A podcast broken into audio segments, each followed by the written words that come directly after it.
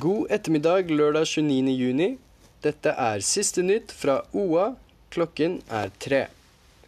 NTNU varsler frysing i tilbud av desentralisert sykepleierutdanning.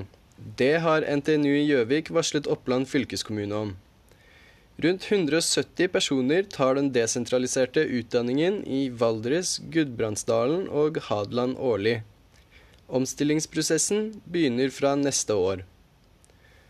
Veterinær Tore Berg opplever en betraktelig økning i flått i Gjøviksområdet. Grunnen er varmere somre, og veterinæren anbefaler dyreeiere å sette i gang med forebyggende tiltak og å gå med hvite bukser for å ikke tiltrekke seg dyrene.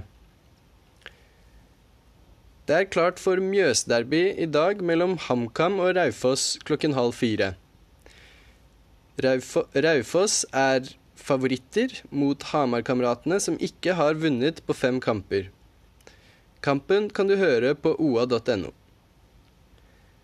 Gjøvikenseren Eivind Gudmundsen på 29 år vant fylkesfinalen i poker.